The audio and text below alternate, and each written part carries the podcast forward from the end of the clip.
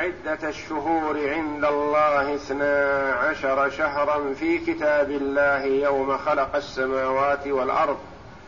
منها أربعة حرم. ذلك الدين القيم فلا تظلموا فيهن أنفسكم. وقاتلوا المشركين كافة كما يقاتلونكم كافة. واعلموا أن الله مع المتقين. إن عدة الشهور عند الله اثنا عشر شهرا في كتاب الله. في هذه الآية وما بعدها والآية التلي التي تليها بيان لما أحدثه الكفار في الشهور التي خلقها الله جل وعلا وجعلها قواما للناس في عاداتهم ومعاملاتهم وعباداتهم فبدلوا فيها وحرفوا وزادوا ونقصوا كحال اليهود والنصارى في الآيات السابقة. لما بين جل وعلا ما أحدثه اليهود والنصارى أو شيئا مما أحدثوه بين جل وعلا شيئا مما أحدثه الكفار. فقال جل وعلا إن عدة الشهور عند الله اثنا عشر شهرا. عدة الشهور عند الله اثنا عشر شهرا وهي الشهور القمريه وهي الشهور المرتب عليها العبادة والمترتب عليها المعاملات وهي شهور حسية يدركها الحاسب وغير الحاسب يدركها القارئ وغير القارئ يدركها الحضري والبدوي. يدركها الجميع حتى لا يخفى أمرها على أحد. التي هي الشهور القمرية.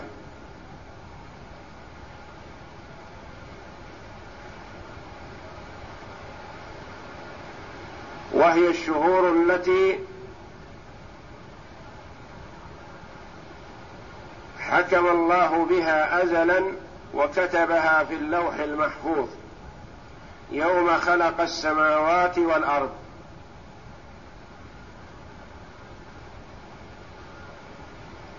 وهناك شهور اتخذها الروم وشهور اتخذها الفرس وشهور اتخذها القبط الأقباط.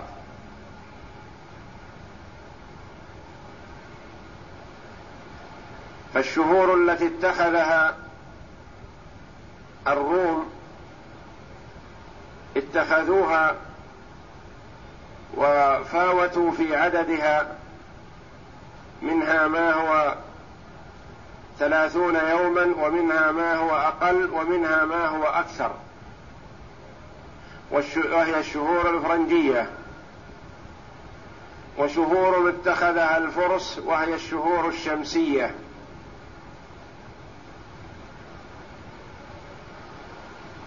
وشهور اتخذها القبط وزادوا فيها ونقصوا على اختلاف بينهم. منهم من جعل الشهور ثلاثين يوما ثم زاد خمسة أيام من نهاية السنة يتناسونها ويتركونها ويبدأون الحساب بعدها للسنة الثانية. ومنها الشهور الشمسية المعروفة ومنها الشهور القمر الشهور الفرنجية التي اتخذها الإفرنج الذين هم الروم. وهي الأشهر التي ينسبون إليها التاريخ الميلادي. والله جل وعلا جعل الأشهر هي القمرية وهي واضحة للعيان بينة. وهي تتراوح بين تسعة وعشرين يوما وبين ثلاثين يوما. لا تزيد عن الثلاثين ولا تنقص عن التسعة والعشرين.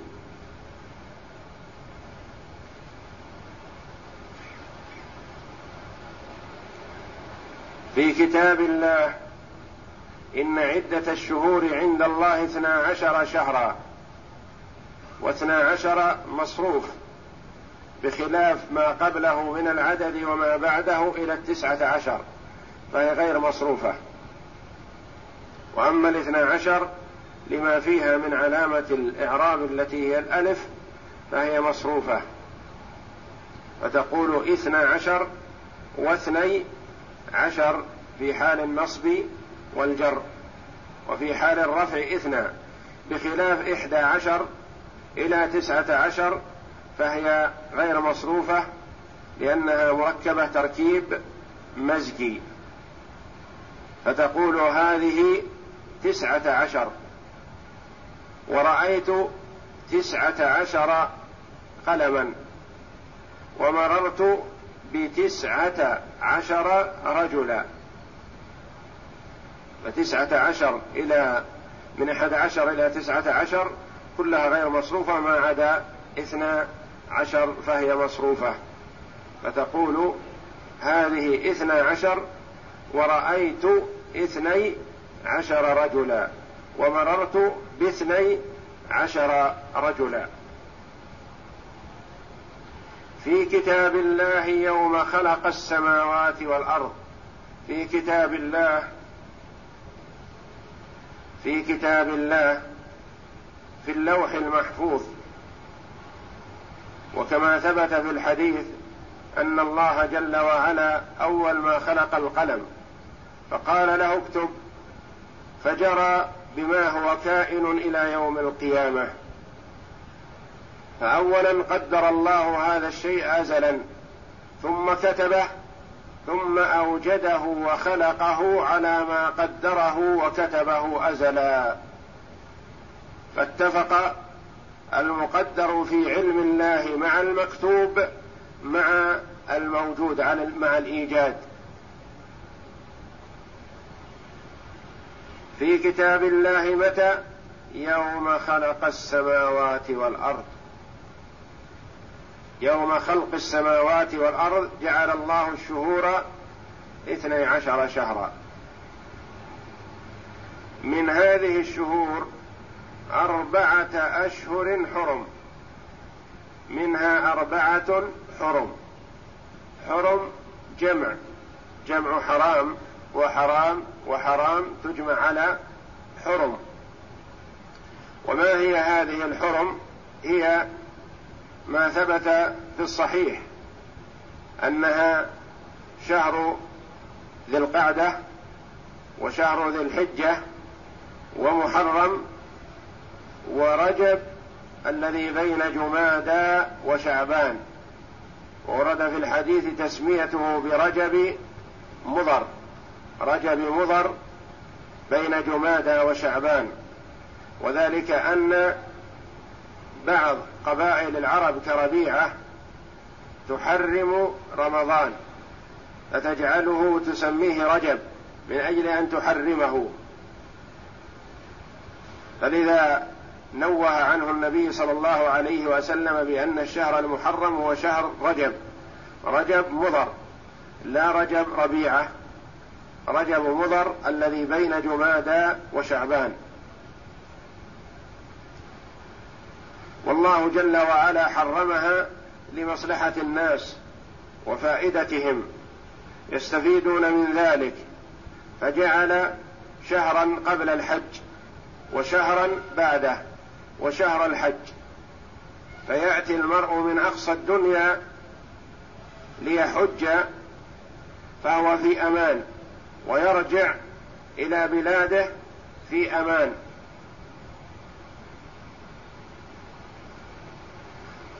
وجعل رجب المحرم في وسط السنة لمن أراد الانتقال من مكان إلى مكان أو أراد العمرة أو زيارة البيت فإنه يذهب وهو آمن. وكانت العرب في الجاهلية يعظمون هذه الأشهر ويحرمونها. لو يلقى الرجل قاتل أبيه أو أخيه في الأشهر الحرم أو في البلد الحرام لا يتعرض له بسوء. كانوا يعظمونها ثم لما دب عليهم النقص والتغيير لشريعة إبراهيم وإسماعيل عليهما السلام جاء فيهم النسي والتأخير يؤخرون بعض الأشهر الحرم ويقدمون بعضها ويحرمون ما شاءوا ويحللون ما شاءوا بأهوائهم.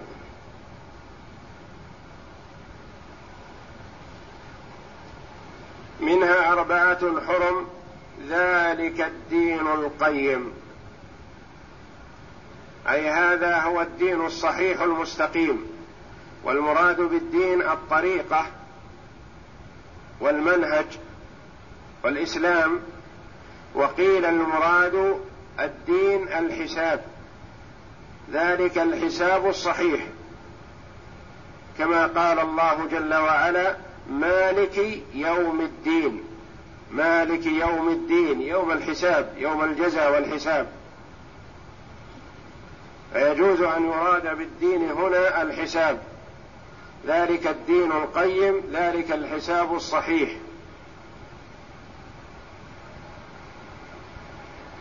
فلا تظلموا فيهن أنفسكم. فلا تظلموا فيهن. المراد فيهن قيل يرجع إلى الاشهر الحرم الأربعة. وقيل يرجع إلى الاثني عشر شهرا. فيهن قيل الضمير يرجع إلى الأربعة وقيل يرجع إلى الاثني عشر.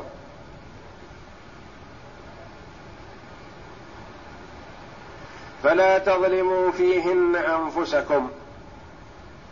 يعني في هذه الأربعة الأشهر الحرم احذروها لأن ظلم ممنوع ومحرم في كل وقت. لكنه في الأشهر الحرم أشد عقوبة وأشد إثما كما أن المعصية من المسلم لا تجوز في كل وقت. إلا أن المعصية في البلد الحرام أو في الشهر الحرام أعظم إثما من معصية ليست في شهر حرام ولا في بلد حرام. والله جل وعلا ميز بين الأشهر وبين البلدان والأماكن لتربية العباد لتربية العباد. لأن العبد إذا تعود وعود نفسه على الامتناع من المعصية في الشهر الحرام قدر على أن يمنع نفسه في غيره من الأشهر يكون تدريج وتربية. وإذا منع نفسه عن المعصية في البلد الحرام قدر على أن يمنع نفسه تدريجيا من المعصية في غير البلد الحرام. فالأزمنة والأماكن التي ميزها الله جل وعلا على بقية الأزمنة والأماكن من أجل تربية العباد ليعتادوا على فعل الخير وليجتنبوا فعل الشر.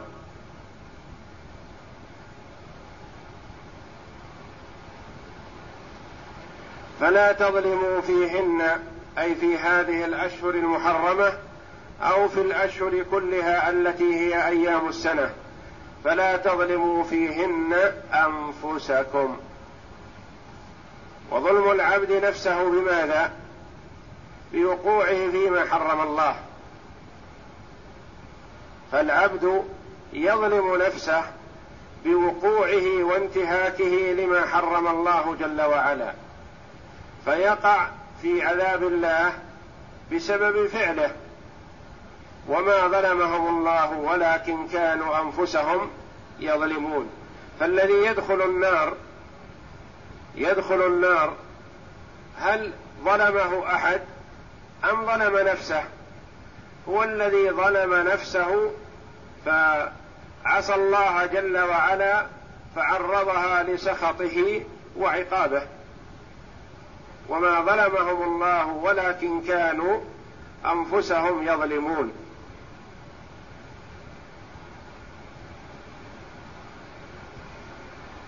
فكون الإنسان يوقع نفسه في المعصية يوقعها في المحرم هل أحسن إليها أم اساء هو أساء إليها وظلمها ظلم نفسه. لأن الله جل وعلا كلفه بالتكاليف الشرعية فإن أداها وقام بها سعد وأسعد نفسه. وإن انتهك المحارم وترك الواجبات فقد عرض نفسه للعقوبة وبهذا يكون قد ظلمها.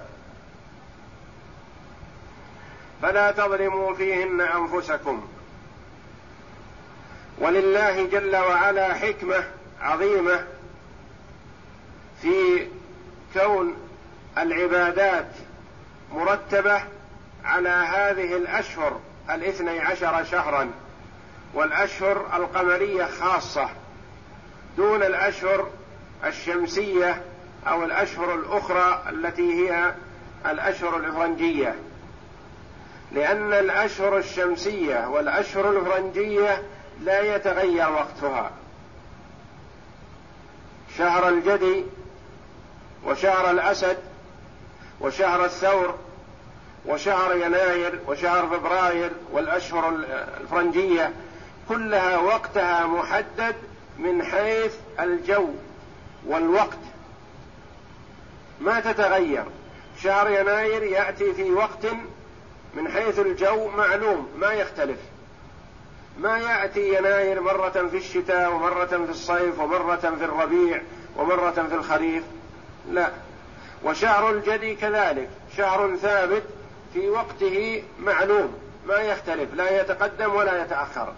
بخلاف الأشهر القمرية فهي تختلف اختلافا كبير. ولله في ذلك حكمة.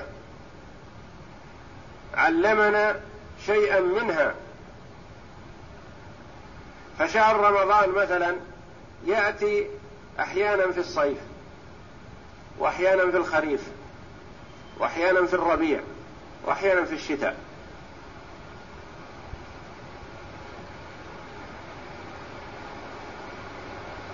وشهر الحج يأتي أحيانا في الصيف في شدة الصيف واحيانا في الخريف واحيانا في الشتاء واحيانا في الربيع. ينتقل.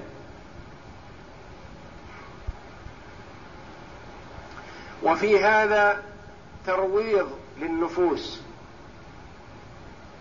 وتعويد لها على التحمل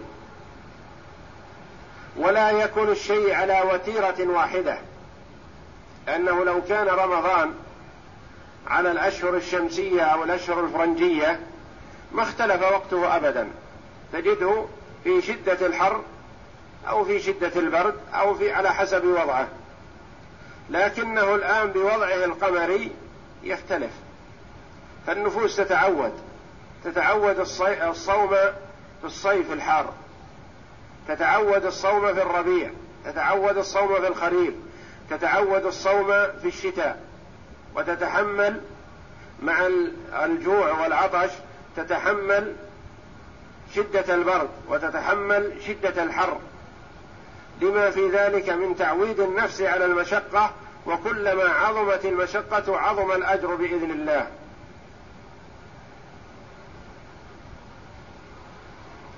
فلذا ميز الله جل وعلا هذه الأشهر القمرية وجعلها هي الأشهر المعتبرة لهذه الخاصية.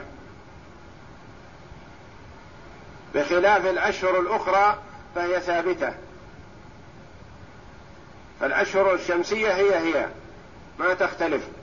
ما ينتقل شهر من جو إلى جو أبدا هو وقته ثابت. وكذلك غيره من الأشهر الإفرنجية. معروف مثلا شهر ثمانية الإفرنجي في شدة الحر. لا يتقدم ولا يتأخر شهر أغسطس. والأشهر الأخرى كذلك. كل وقت معروف وقته وجوه. بخلاف الأشهر القمرية فهي تختلف كما هو مدرك ومحسوس للجميع. أحيانا يكون الصوم في رمضان صوم رمضان في شدة الحر وأحيانا في شدة البرد وأحيانا بين ذلك.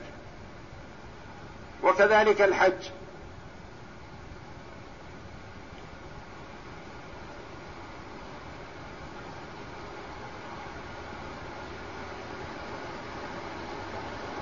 فلا تظلموا فيهن أنفسكم وقاتلوا المشركين كافة كما يقاتلونكم كافة.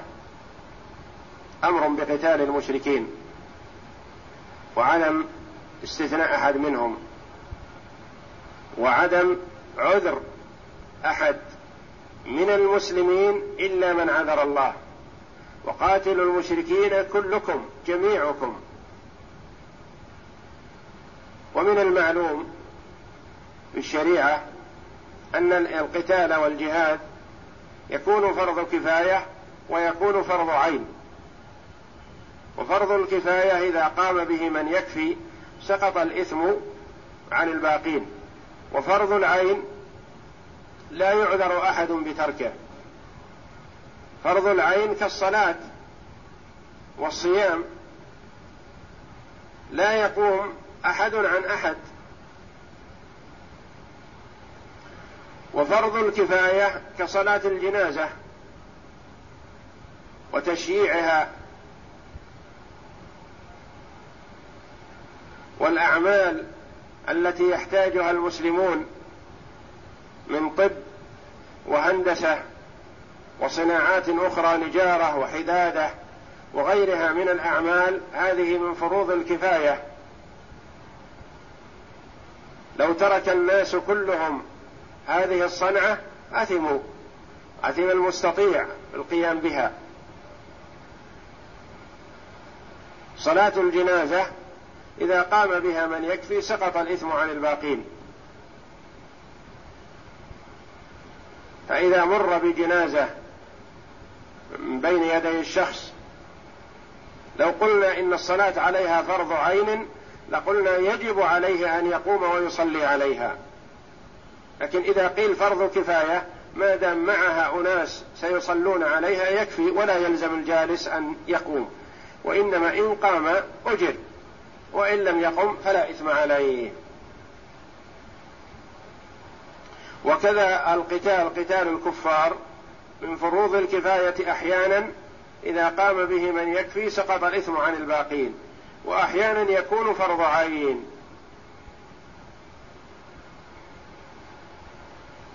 يكون فرض عين إذا انتهك الكفار حرمة بلاد المسلمين أو استنفر الإمام المسلمين للقتال وجب عليهم أن يخرجوا. وقاتلوا المشركين كافة كما باقية فقال جماعة إنها منسوخة. نسخت بالآيات الدالة على قتال الكفار في كل وقت. ومنها هذه الآية والآيات الأخرى الآتية بعد التي يعبر عنها العلماء رحمهم الله بآية السيف. وقاتلوا المشركين كافة كما يقاتلونكم كافة يعني قاتلوهم كلكم جميعا مجتمعين كما يقاتلونكم مجتمعين. اجتمعوا عليهم لأن في اجتماعكم عليهم قوة ومناصرة بعضكم لبعض. وقال بعض العلماء والذين قالوا إنها منسوخة تحريم الأشهر الحرم أن النبي صلى الله عليه وسلم حاصر أهل الطائف في شهر ذي القعدة وهو شهر حرام. كما تقدم لنا في غزوة حنين خرج النبي صلى الله عليه وسلم في شوال إلى حنين ولما هزمهم الله جل وعلا بجيشه برسوله محمد صلى الله عليه وسلم وعباده المؤمنين وتفرقوا توجه صلى الله عليه وسلم لحصار الطائف وحاصر الطائف في شهر ذي القعدة. والذين قالوا لا تزال هي محرمة على حرمتها قالوا إن النبي صلى الله عليه وسلم ابتدأ حصار الطائف في شوال واستمر الحصار إلى ذي القعدة. ومن المعلوم أن الحصار إذا بدأ قبل الأشهر الحرم أو القتال قبل الأشهر الحرم فإنه يباح الاستمرار فيها ما لا يباح في الابتداء.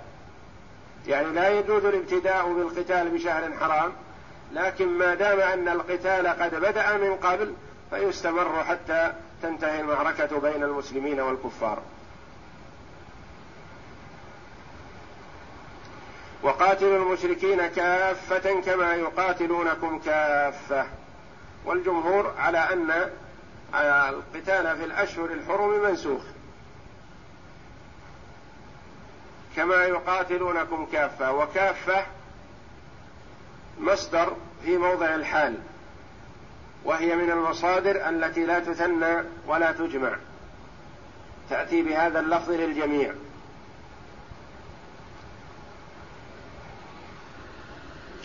واعلموا أن الله مع المتقين. قاتلوا المشركين جميعكم مجتمعين واعلموا أن الله مع المتقين. اتقوا الله قاتلوا المشركين بتقواكم لله. فإذا اتقيتم الله جل وعلا نصركم الله. اعلموا أن الله مع مع المتقين مع من اتقاه. فإذا اتقيتم الله نصركم الله.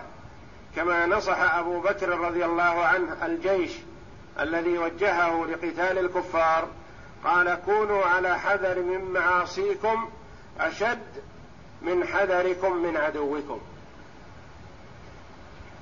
لأن المرء إذا حذر المعصية اتقى الله جل وعلا فنصره الله.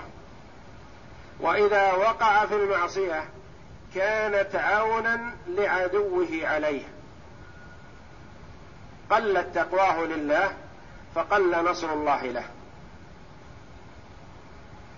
فالمؤمنون ينصرون بتقوى الله جل وعلا بتقواهم لله بعبادتهم له بطاعتهم له بحذرهم من معصيته.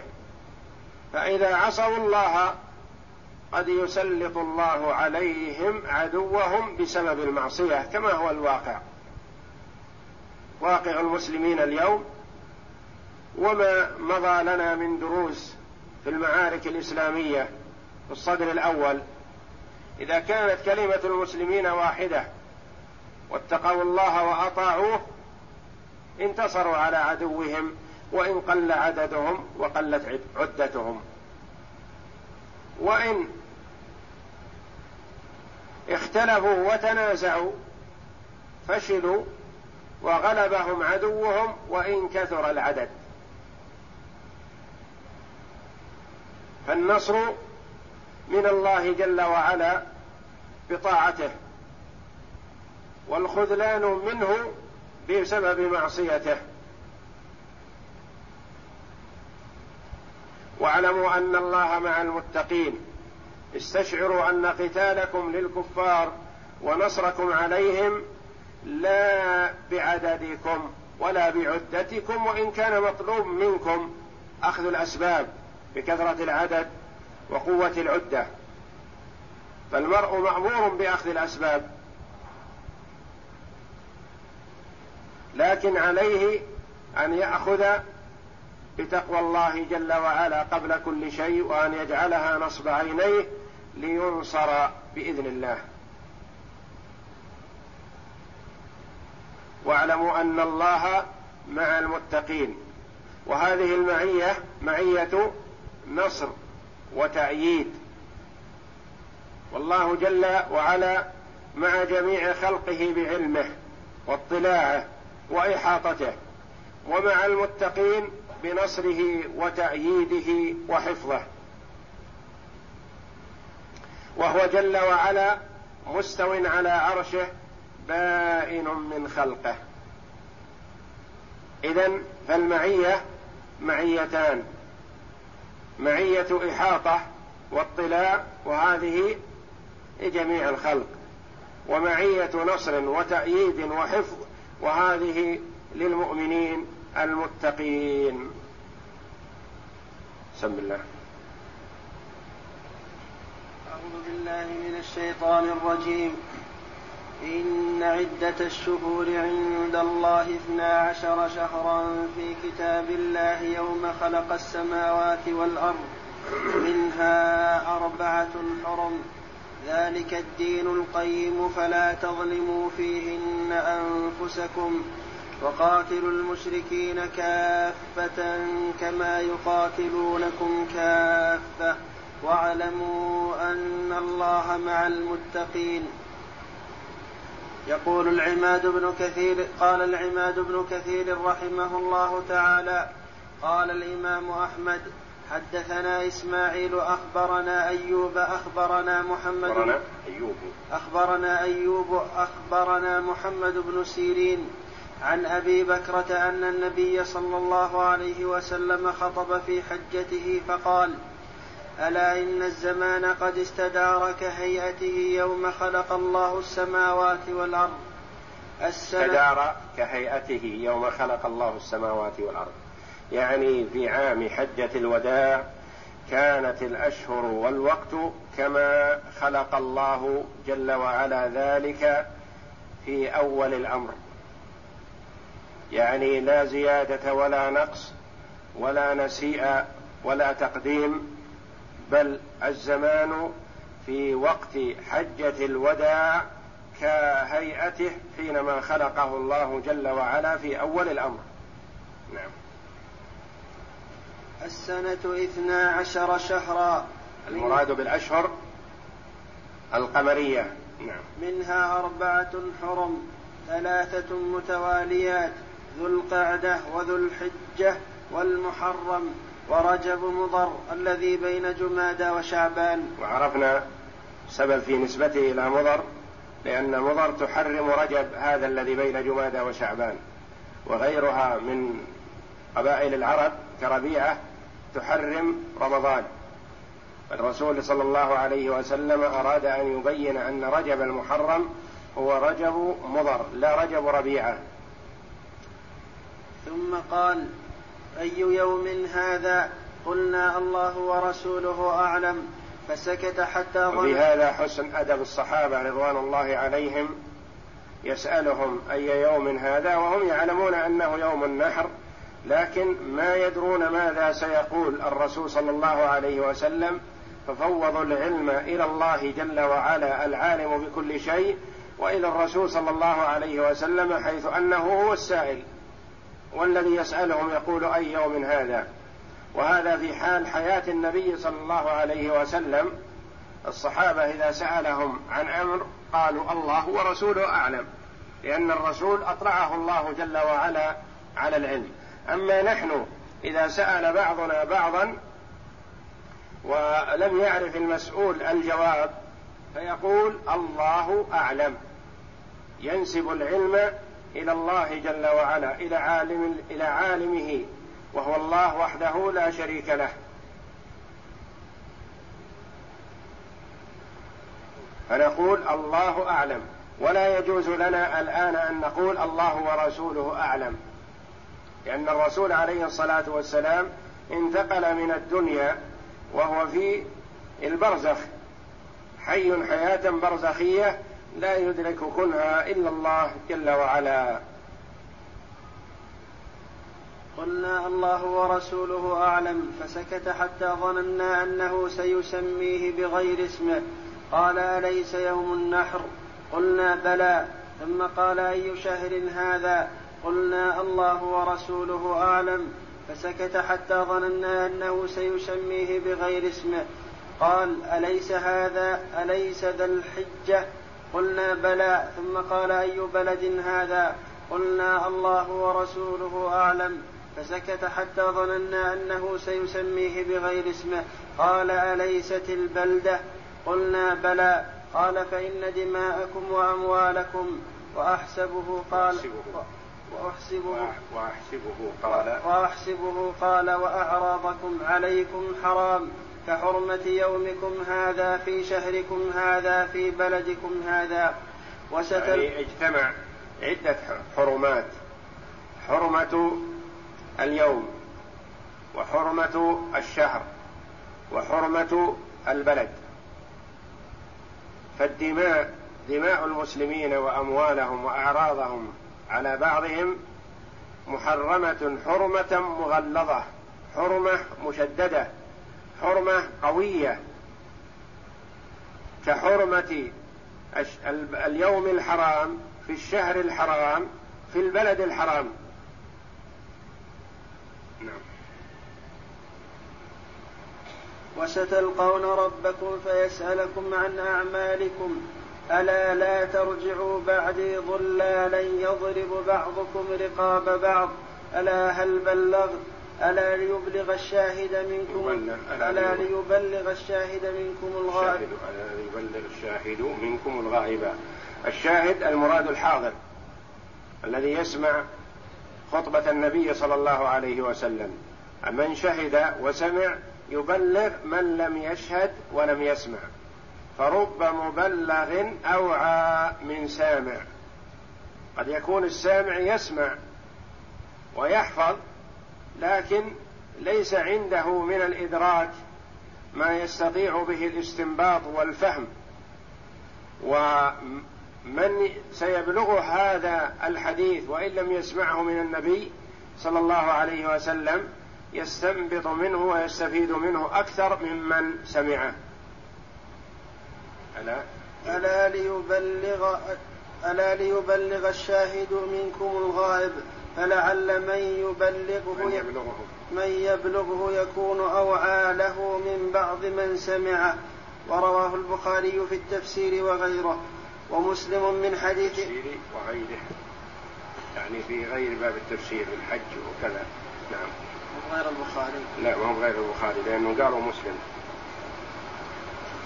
رواه ورواه البخاري في التفسير وغيره. ومسلم من حديث أيوب عن محمد وهو ابن سيرين عن عبد الرحمن بن أبي بكرة عن أبيه به وقد قال ابن جرير حدثنا معمر حدثنا روح حدثنا أشعث عن محمد بن سيرين عن أبي هريرة رضي الله عنه قال قال رسول الله صلى الله عليه وسلم إن الزمان قد استدار كهيئته يوم خلق الله السماوات والأرض.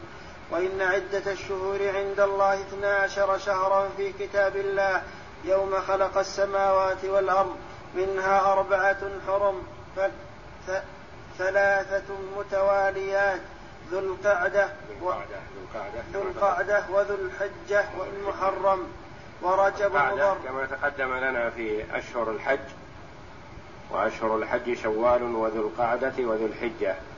ذو القعدة بفتح القاف ويجوز الكسر. والحجة بكسر الحاء ويجوز الفتح. الأشهر في الحجة الكسر والأشهر في القعدة الفتح ويجوز خلاف ذلك. تقدم لنا قريبا في أشهر الحج. ذو القعدة وذو الحجة والمحرم ورجب مضر الذي بين جمادى وشعبان ورواه البزار عن, محمد بن معمر به. ثم قال لا يروى عن أبي لا يروى عن أبي هريرة إلا من هذا الوجه وقد رواه ابن عون وقر وقرة عن ابن سيرين عن عبد الرحمن بن أبي بكرة عن أبيه به وقال ابن جرير أيضا حدثنا موسى بن عبد الرحمن المسروقي حدثنا زيد بن بن حباب حدثنا موسى بن عبيدة الربذي حدثنا صدقة. ما أقدر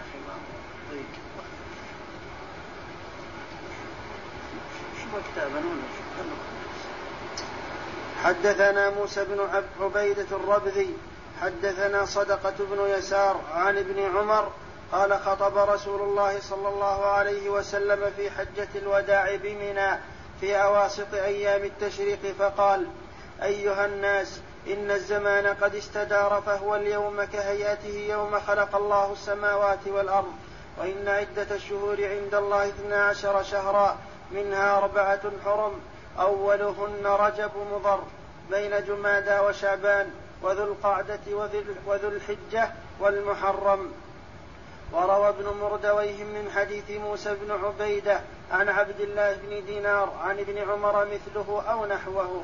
وقال حماد بن سلمة حدثني علي بن زيد عن أبي حمزة الرقاشي عن عمه عن عن عمه وكانت له صحبة. قال كنت آخذا بزمام ناقة رسول الله صلى الله عليه وسلم في أوسط أيام التشريق أذود الناس عنه. فقال رسول الله صلى الله عليه وسلم ألا إن الزمان قد استدار كهيئته يوم خلق الله السماوات والأرض وإن عدة الشهور عند الله اثنا عشر شهرا في كتاب الله يوم خلق الله يوم خلق السماوات والأرض. منها أربعة حرم فلا تظلموا فيهن أنفسكم. وقال سعيد بن منصور حدثنا أبو معاوية عن الكلبي عن أبي صالح عن ابن عباس رضي الله عنه في قوله منها أربعة حرم. قال محرم ورجب وذو القعدة وذو الحجة. وقوله صلى الله عليه وسلم في الحديث إن الزمان قد استدار كهيئته يوم خلق الله السماوات والأرض تقرير منه صلوات الله وسلامه عليه وتثبيت للأمر على ما جعله الله في أول الأمر من غير تقديم ولا تأخير ولا زيادة ولا نقص ولا نسيء ولا تبديل كما قال في تحريم مكة إن هذا البلد حرمه الله يوم خلق السماوات والأرض فهو حرام بحرمة الله تعالى إلى يوم القيامة وهكذا قالها هنا إن الزمان قد استدار كهيئته يوم خلق الله السماوات والأرض. وقد قال بعض المفسرين والمتكلمين على هذا الحديث إن المراد بقوله قد استدار كهيئته يوم خلق الله السماوات والأرض أنه اتفق أن حج رسول الله صلى الله عليه وسلم في تلك السنة في ذي الحجة وأن العرب قد كانت نسأت النسيء يحجون في كثير من السنين بل أكثرها في غير ذي الحجة. وزعم يعني بسبب النسيء كانوا يحجون أحيانا في ذي القعدة وأحيانا في محرم وأحيانا يتقدم ويتأخر بسبب النسي واختلاف الشهور عندهم. وحجة الوداع كانت في شهر ذي الحجة في الشهر الذي قرره الله جل وعلا. نعم. وزعموا أن حجة الصديق في سنة تسع كانت في ذي, الق... في ذي القعدة. وفي هذا نظر كما سنبينه إذا تكلمنا على النسيء وأغرب منه ما رواه الطبراني عن بعض السلف في جملة حديث أنه اتفق حج المسلمين واليهود والنصارى في يوم واحد وهو يوم النحر عام حجة الوداع والله أعلم. فصل. ذكر الشيخ علم الدين السخاوي في جزء في جزء جمعه سماه المشهور في أسماء الأيام والشهور أن المحرم سمي بذلك لكونه شهرا محرما وعندي أنه سماه بذلك وعندي أنه سمي بذلك تأكيدا لتحريمه لأن العرب كانت تتقلب به فتحله عاما وتحرمه عاما. قال ويجمع على محرمات ومحارم ومحاريم وصفر سمي بذلك لخلو بيوتهم منهم حين يخرجون للقتال والأسفار يعني لأنه ليس بشهر حرام فهم يخرجون للقتال فتخلو البيوت من أهلها. يقال صفر المكان بمعنى ليس فيه أحد. يقال صفر المكان إذا خلا ويجمع على أصفار كجمل وأجمال. وشهر ربيع الأول سمي بذلك لارتباعهم فيه والارتباع الإقامة في عمارة الربع. الربع. في عمارة الربع ويجمع على أربعة كنصيب على أربعة, على أربعة كنصيب وأنصبا وعلى أربعة كرغيف وأرغفة وربيع الآخر كالأول. وجمادى سمي بذلك لجمود الماء فيه. قال وكانت الشهور في حسابهم لا تدور وفي هذا نظر إذ كانت شهورهم منوطة بالأهلة فلا بد من دورانها فلعلهم سموه بذلك أول ما سمي عندهم جمود الماء في البرد كما قال الشاعر وليلة من جمادى ذات أندية ذات أندية لا يبصر العبد في ظلمائها الطنبا لا ينبح لا ينبح لا ينبح الكلب فيها غير واحدة حتى يلف على خرطومه الذنبا. يعني من شدة البرد.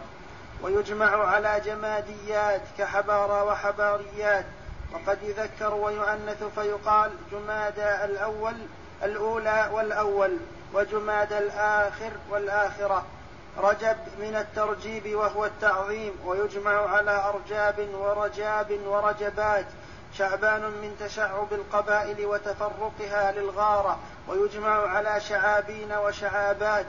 رمضان من شدة الرمضة وهو الحر.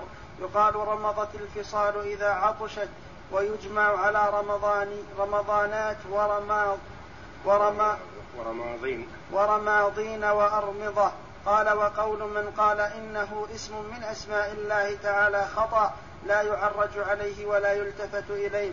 قلت قدو قلت قلت قد ورد. فيه حديث ولكنه ضعيف وبينته في أول كتاب الصيام شوال من شالة الإبل بأذنابها للطراق. قال قال للطراق. من شالة الإبل بأذنابها للطراق. قال ويجمع على شواول وشواويل وشوالات. القعدة بفتح القاف قلت وكسرها لقعودهم فيه عن القتال والترحال ويجمع على ذوات القعدة الح الح الحجة بكسر الحاء قلت وفتحها سمي بذلك لإقامتهم الحج فيه ويجمع على ذوات الحجة. أسماء الأيام أولها الأحد ويجمع على آحاد وأوحاد ووحود. ثم يوم الاثنين ويجمع على أثانين الثلاثاء يمد ويذكر ويؤنث ويجمع على ثلاثاوات وأثالث. ثم الأربعاء بالمد ويجمع على أربعاوات وأرابيع والخميس يجمع على أخمسة وأخامس. ثم الجمعة بضم بضم الميم وإسكانها وفتحها أيضا ويجمع على جمع وجم على جمع, على جمع وجماعات. السبت مأخوذ من من السبت وهو القطع لانتهاء العدد عنده وكانت العرب تسمي الأيام أول ثم أهون ثم جبار ثم دبار ثم مؤنس ثم العروبة ثم شار. قال الشاعر من العرب العرباء العاربة المتقدمين أرجي أرجي أن أعيش. أرجى أن أعيش وأن يومي. أرجى أن أعيش وإن يومي بأول أو أو بأول أو بأهون أو جبار أو التالي دبار فإن أفته فمؤنس أو عروبة أو شيار. وقوله تعالى منها أربعة حرم فهذا مما كانت العرب أيضا في الجاهلية تحرمه وهو الذي كان عليه جمهورهم إلا طائفة منهم يقال لهم البسل. كانوا يحرمون من السنة ثمانية أشهر تعمقا وتشديدا. وأما قوله ثلاثة متواليات ذو القعدة وذو الحجة والمحرم ورجب مضر الذي بين جمادى وشعبان فإنما أضافه إلى مضر ليبين صحة قولهم في رجب أنه الشهر الذي بين جمادى وشعبان. لا كما تظنه ربيعة من أن رجب المحرم هو الشهر الذي بين شعبان وشوال وهو رمضان اليوم. فبين صلى الله عليه وسلم أنه رجب مضر لا رجب ربيعة وإنما كانت الأشهر المحرمة أربعة ثلاثة سرد سرد وواحد فرد لأجل أداء المناسك مناسك الحج والعمرة. فحرم. نعم. فحرم قبل أشهر الحج شهرا وهو ذو القعدة لأنهم يقعدون فيه عن القتال وحرم شهر ذي الحجة لأنهم يوقعون في يوقعون فيه الحج ويشتغلون بأداء المناسك. وحرم بعده شهرا آخر وهو المحرم ليرجعوا فيه إلى أقصى بلادهم آمنين. محرم رجب في وسط الحول لأجل زيارة البيت والاعتمار به لمن يقدم إليه من أقصى جزيرة العرب فيزوره ثم يعود إلى وطنه فيه آمنا.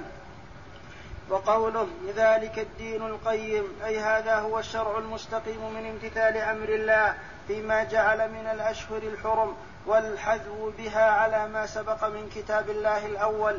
قال تعالى فلا تظلموا فيهن أنفسكم أي في هذه الأشهر المحرمة لأنها آكد وأبلغ في الإثم من غيرها كما أن المعاصي في البلد الحرام تضاعف لقوله تعالى ومن يرد فيه بإلحاد بظلم نذقه من عذاب أليم. تضاعف من حيث الكيفية لا من حيث العدد الكمية. فلا يقال السيئة بمكة بمائة سيئة أو بألف سيئة أو بمائة ألف سيئة. وإنما عقوبة السيئة بمكة أعظم وأشد من عقوبة سيئة بمثلها لو عملت خارج مكة. لأن من استهان بالسيئة وأقدم عليها في مكة في بلد الله الحرام وفي جوار بيته العتيق هذا قد استهان بحرمات الله فاستحق العقوبة أكثر. كما أن المرأة إذا عمل الحسنة في بلد الله الحرام وبجوار بيته العتيق يكون ثوابه أعظم.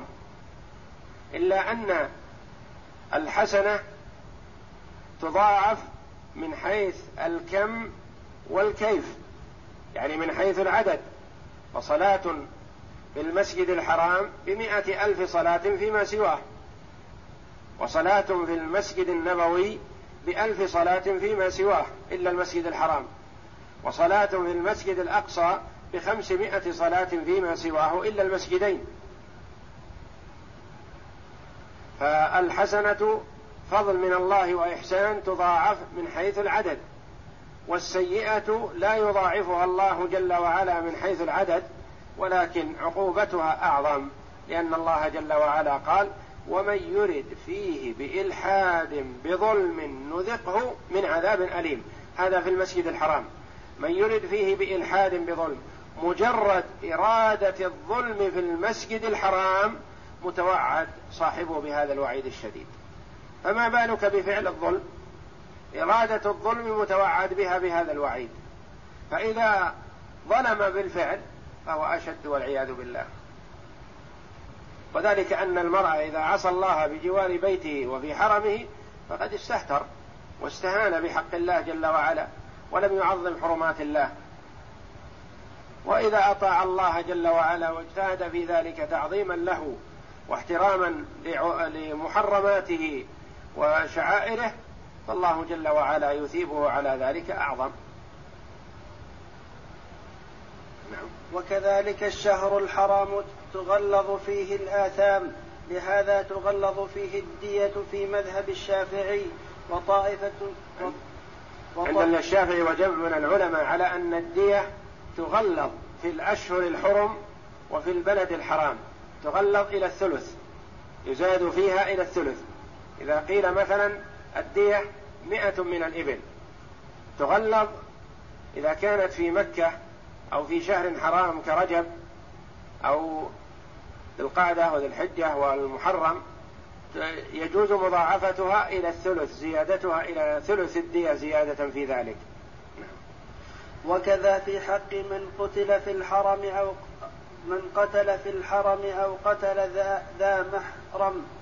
وقال حماد بن سلمة عن علي بن زيد عن يوسف بن مهران عن ابن عباس رضي الله عنهما في قوله فلا التي تغلظ هي دية الخ... دية العمد. وأما دية الخطأ دية الخطأ فهذه معفو عن صاحبها بسم يعني قتل الخطأ معفو عن صاحبه عن الإثم بكونه مخطئ ولم يتعمد ذلك فجعله الله جل وعلا يكفر خطأه ذلك بالكفارة التي عتق رقبة فإن لم يجد فصيام شهرين متتابعين. فلا تظلموا فيهن أنفسكم قال في الشهور كلها وقال علي بن أبي طلحة عن ابن عباس في قوله إن عدة الشهور عند الله الآية فلا تظلموا فيهن أنفسكم في كلهن ثم اختص من ذلك أربعة أشهر أربعة أشهر فجعلهن حراما وعظم حرماتهن وجعل الذنب فيهن أعظم والعمل الصالح والأجر أعظم وقال قتادة في قوله فلا تظلموا فيهن أنفسكم إن الظلم في الأشهر الحرم أعظم خطيئة ووزرا من الظلم في فيما سواها وإن كان الظلم على كل حال